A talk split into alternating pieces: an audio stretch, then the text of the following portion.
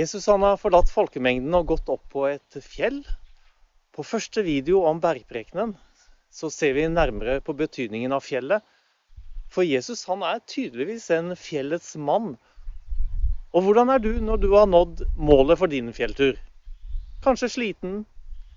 Iallfall så har Jesus satt seg, hviler, lar stillheten råde. Og så sier Bibelselskapets oversettelse fra 2011 han tok til orde. Bokstavelig så står det på gresk at han åpnet sin munn. I 1930-oversettelsen så står det mer riktig han opplot sin munn. Hvorfor står det slik? Hvorfor blir det beskrevet at Jesus åpnet munnen sin?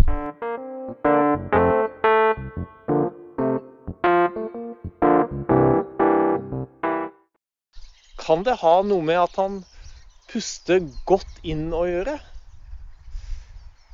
At han er andpusten? Fattig på pust? Kanskje er dette bare tilfeldig, selv om eh, svært lite er tilfeldig i Guds ord. Men rett etterpå så begynner han sin preken med å si Salige er de fattige i ånden. Hva salig er, skal vi se nærmere på ved en annen anledning. Men fattig i ånden Å være fattig er å ha svært lite, være tom, sliten, kanskje utbrukt. Det er mangel på krefter, ressurser. Ja, det er mangel på absolutt alt. Og Jesus sier her at de som er fattige i ånden, er salige. Salig det skjønner vi er et positivt ord. Men fattig det er vanligvis ikke et positivt uttrykk. Det forbinder vi med tap, nederlag, ja, rett og slett å være helt på felgen. Mener Jesus at de som generelt er skrapa og helt på bånn, er salige? La oss se nærmere på hva Jesus egentlig sier her. Salige er de fattige i ånden.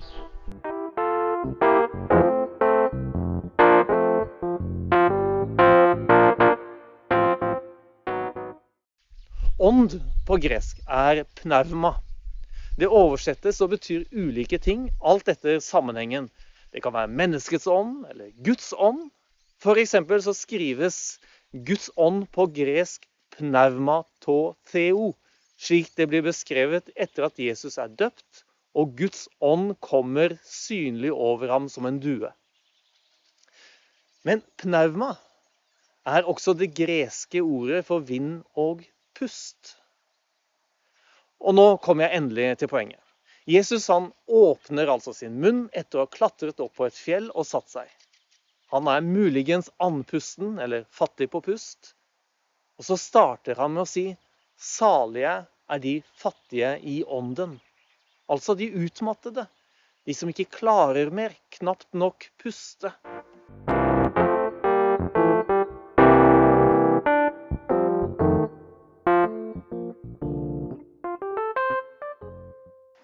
Da jeg tidligere slet med angstanfall, selv om det var av mild grad, så var det pusten jeg først og fremst kjente det på. Det var vanskelig å puste dypt. Jeg var rett og slett fattig på pust. Da Jesus skulle gi utfordringen om å ta på seg oppdraget han startet ved sitt liv, og som han fullførte ved sin død og oppstandelse, nemlig å gi verden muligheten til frelse, så står det at han åndet på dem og sa, ta imot Den hellige ånd.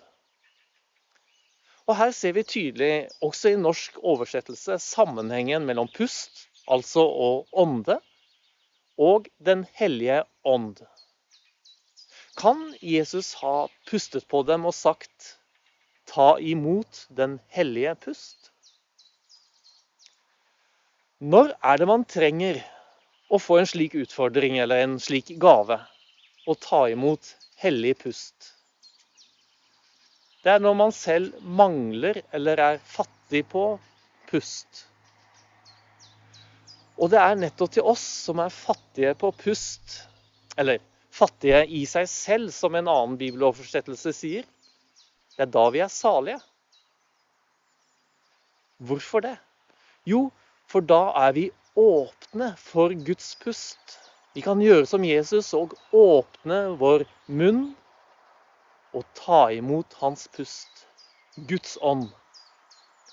Vi trenger det for i det hele tatt å klare oss for å overleve. Vi er jo fattige. Og Guds ånd er virkelig ønsket og får plass i våre fattige kropper. Martin Luther han eh, sa det en gang. Vi er alle tiggere for Gud.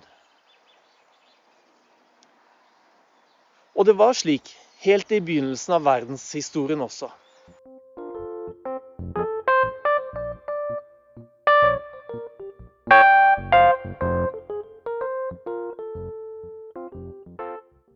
Jorden var øde og tom, mørket lå over dypet, og Guds ånd svevde over vannet. Det er altså en fattig verden, øde og tom. Og det er da Guds vind, Guds pust, Guds ånd svevde over vannet. Og resten kjenner vi. Gud taler, og den nye skapelsen skjer. Men la oss komme tilbake til Jesus, der han sitter på berget og åpner sin munn. Han tok til orde og lærte dem. Og Slik innledes bergprekenen med å fokusere på at Jesus lærer dem noe. Og Det er også slik bergprekenen avsluttes. Da Jesus hadde fullført denne talen, var folket slått av undring over hans lære.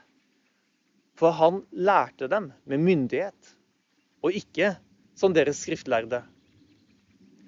Jesus lærer disiplene her oppe på fjellet, og denne læren gjør at folket ble slått av undring.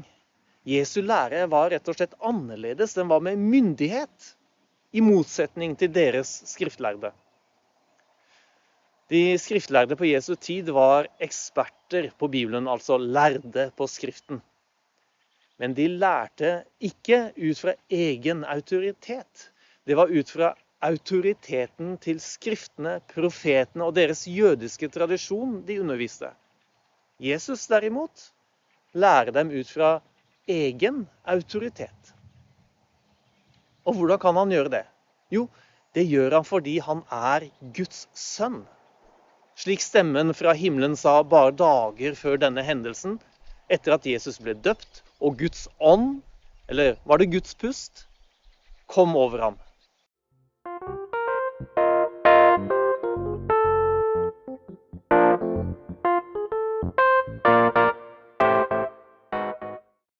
Himmelen åpnet seg, og han så Guds ånd, pneuma, komme nedover seg som en due. Og det lød en røst fra himmelen dette er min sønn, den elskede.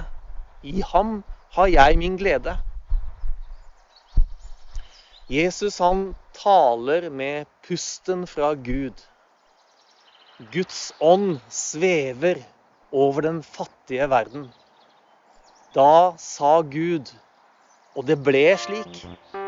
Og Gud så at det var godt.